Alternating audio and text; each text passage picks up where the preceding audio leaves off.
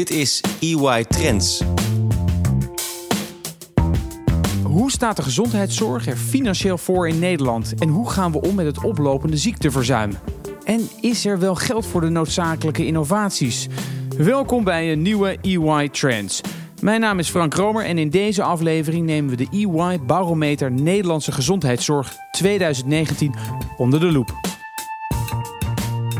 Bij mij aan tafel hier eh, Rob Leense, partner bij EY en Ralf Paulsen, associate partner EY Montesquieu. Heren, welkom. Dankjewel. Dankjewel. De barometer is uit. Zit ik hier met twee zorgspecialisten die optimistisch zijn of hangen er toch wel donkere wolken boven die Nederlandse gezondheidszorg? Nou, ik denk dat het allebei waar is. Aan de ene kant zien we dit jaar een daling van de winst. Daar waar die vorig jaar nog voor steeg. We zien ook een daling van onze rating, zoals we die als EY voorspellen. Tegelijkertijd zien we nog steeds dat de Nederlandse gezondheidszorg een veilige haven is voor financiers. Uh, en dat is ook wel weer het goede nieuws. Dat vind ik interessant. Daar komen we straks uh, op terug. Ja, Rob, je zei het net al. Winsten gedaald. Dat is altijd een slecht teken. Ja, dat is zeker zo. Als we kijken naar de afgelopen vijf jaar... zien we dat die op één jaar na, waar een heel bijzondere situatie was... op een redelijk constant niveau zijn gebleven. We zien nu voor het eerst een daling van het rendement. En ook voor het eerst een daling in de rating. En uh, ja, dat is echt wel nieuws. Ja, even naar die winsten. Waarom zijn die zo uh, gedaald? We zien uh, dit jaar, maar dat zagen we ook de jaren hiervoor, dat het verzuim en verloop weer toeneemt. Dit jaar tot all-time high. In sommige sectoren meer dan 7% verzuim. Dat is echt enorm hoog. Bijna 20% verloop. Dat is heel veel. Uh, en dat hebben we andere jaren nog niet gezien. Dus het lijkt zo te zijn dat dit jaar het eerste jaar is dat dat soort personele uitdagingen een drukkend effect hebben op de winsten. Kortom, uh, de werkdruk is gewoon veel te hoog. Ja. Ik hoorde Rob net zeggen 7% Nou, dat, dat, ik heb dat nog nooit ergens zo gehoord. Nou, ik denk dat het zeker uh, afwijkend is ten opzichte van wat je in veel andere sectoren ziet. Het is een hele intensieve beroepsgroep. Hè? Met name de mensen de handen aan het bed. Uh, dat, dat vraagt heel veel van de mensen. En je ziet dat dat steeds verder uh, uitgekleed wordt. En dan als je daar de administratieve lasten voor, voor die mensen erbij plucht, ja, dan dat wordt het zwaar. Ja. Hoe zie jij dat? Ja, Ralf, helemaal eens. we zien dat het stijgt, zowel verzuim als verloop. En we zien dat daardoor ook een hele andere kracht op gang komt. Uh, er moet toch zorg geleverd worden. En bedrijven, instellingen gaan personeel inhuren. En ook dat is dit jaar all-time high. Nooit eerder is er zoveel uh, arbeidskrachten ingehuurd door zorginstellingen als dit jaar. 2,6 miljard in totaal. En dat is natuurlijk zonder geld. Dat is ook geld wat op een andere manier veel efficiënter had besteed kunnen worden. Stel, Rob, ik ben de baas van een groot ziekenhuis. Ik kom bij jou langs. Ik zeg, ik heb echt een groot probleem. Want ik heb een gigantisch verzuim. Ik moet heel veel externe uh, inhuren. Het kost me bakken met geld. Uh, ik heb steeds meer mensen in het ziekenhuis, want uh, we vergrijzen met z'n allen. Wat moet ik doen? Nou, het is een vicieuze cirkel. En wat er nu moet gebeuren, is dat we die vicieuze cirkel doorbreken. Dat betekent dat we het weer leuk moeten maken voor de mensen om in de zorg te werken. Dat betekent innoveren en kijken hoe we op een veel efficiëntere en leukere manier de processen vorm kunnen geven in de zorg. Als we kijken naar uh, de rating, we hadden het er al eventjes eerder over. Uh, ja. Waar is die op gebaseerd en, en wat is er uitgekomen? Onze rating is gebaseerd op financiële en operationele kengetallen op basis van historische informatie van, uh, van zorginstellingen in Nederland. Uh, we koppelen daar uiteindelijk dan onze, onze eigen rating aan.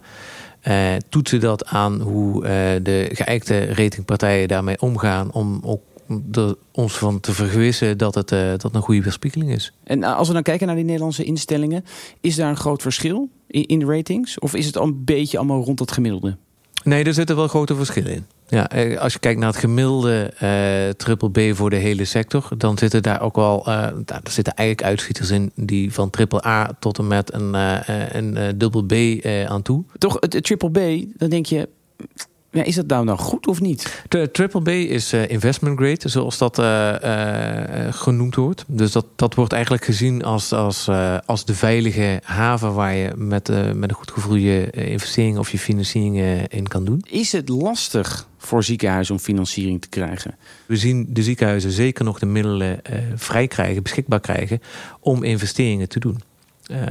maar dan heb je het wel ook vaak over de traditionele investeringen in, in stenen, in gebouwen of in apparatuur, maar veel minder in de innovatieve kant. En wat wij wel zien is dat uh, voor die innovatiefinancieringen je vaak niet bij de traditionele partijen zou moeten aankloppen, maar veel eerder bij de alternatieve financiers. Omdat die juist op zoek gaan naar die meer bijzondere uh, investeringsvormen, die minder tastbare onderpanden uh, kennen. Ja, ik, ik, denk dat het ook uh, vereist om wat langer vooruit te kijken. Wat we natuurlijk ook nu best wel veel zien in de Nederlandse gezondheidszorg, ehm, is dat er soms maar een paar jaar vooruit gekeken wordt. en dan is een investering in innovatie natuurlijk best eng als je dat doet. Ehm, dus ik denk dat we ook de bestuurders, uh, de toezichthouders, ook meer moeten gaan challengen om verder vooruit te kijken. Wat is die stip op de horizon? Hoe willen we over twintig jaar dat de zorg plaatsvindt? En ieder jaar een stapje te maken om daar te komen. En als je dat doet, dan kom je uiteindelijk op het ideaalplaatje. En dan weet je ook welke tussenstappen je moet nemen om uiteindelijk daar te komen. Ja, verwacht je, als we nou een paar jaar in de toekomst kijken, verwacht je dat er dan inderdaad zorginstellingen zijn die nieuwe financiering hebben aangeboord en ook echt met die innovatie aan de slag kunnen? Nou, als we nu kijken naar de uitkomsten van dit onderzoek, dan zien we dat er al een paar banken zijn die we in het verleden niet terugzagen, die een steeds groter aandeel krijgen. We zien ook al, zij het op kleine schaal, verzekeraars en pensioenfondsen financieren in de zorg. Dus er zijn al wat kleine lichtpuntjes die we zien. Dus we hopen dat die trend zich uh, gaat voortzetten.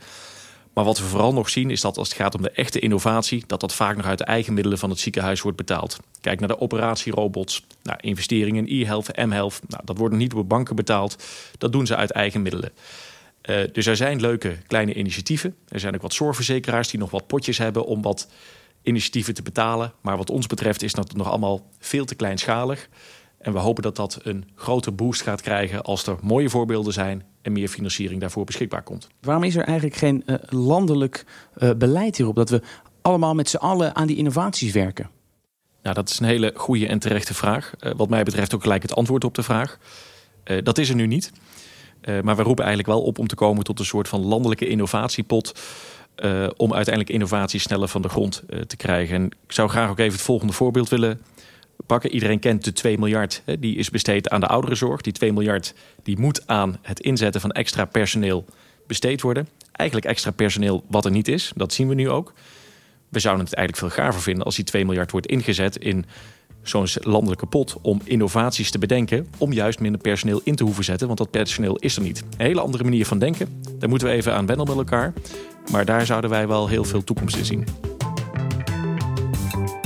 Tot slot, als we uh, naar volgend jaar kijken, als de barometer weer uitkomt, kun je een voorspelling doen. Uh, hoe is het dan met de winst? Is die dan nog verder gedaald? En, en het ziekteverzuim, is die dan nog verder opgelopen? Nou, als we kijken naar de historische data, dan zien we dat het ziekteverzuim uh, en het personeelsverloop al vijf jaar lang ieder jaar gestaag stijgt. Wij zien op dit moment geen indicaties of ontwikkelingen dat dat volgend jaar anders zal zijn. En net als dit jaar het geval is, verwachten we ook dat volgend jaar die ontwikkelingen een drukkend effect zullen hebben op de winst. Dus we verwachten dat die volgend jaar weer een stukje lager zal zijn nog zeker niet uh, uh, negatief. Um, uh, maar dat is in ieder geval onze voorspelling. Ik verwacht wel, Ralf, dat de rating volgend jaar op peil zal blijven.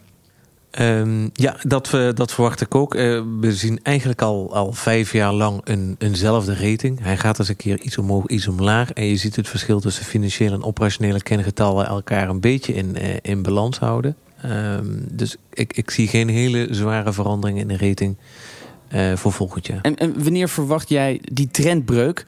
Dat we dan uh, de bottom bereikt hebben en dat we weer omhoog gaan? Zoals aangegeven, hè, die zorginnovaties die, eh, die ruimte moeten bieden om verlopen verzuim op te vangen. Uh, en waarvoor je eigenlijk die financiële uh, kwalificatie zou willen hebben in de vorm van een rating. Uh, nou, op het moment dat die van de grond gaat komen en dat wordt ontvouwen in de sector, zal, zal de kans groot zijn dat die weg naar boven weer gevonden wordt. En dan hebben we het over 2, 3, 5, dan 10, heb je, 20, dan, 30 dan jaar? heb je het wel over een aantal jaren.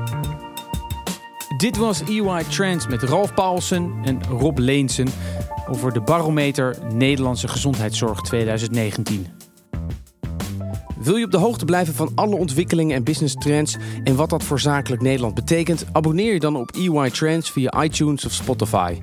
En hou natuurlijk onze website in de gaten www.ey.nl/podcasts. En vergeet niet, laat ons weten wat je van deze serie vindt. Laat bijvoorbeeld sterren achter of een review in iTunes. Dat zouden we fijn vinden. Mijn naam is Frank Kromer. Tot de volgende keer.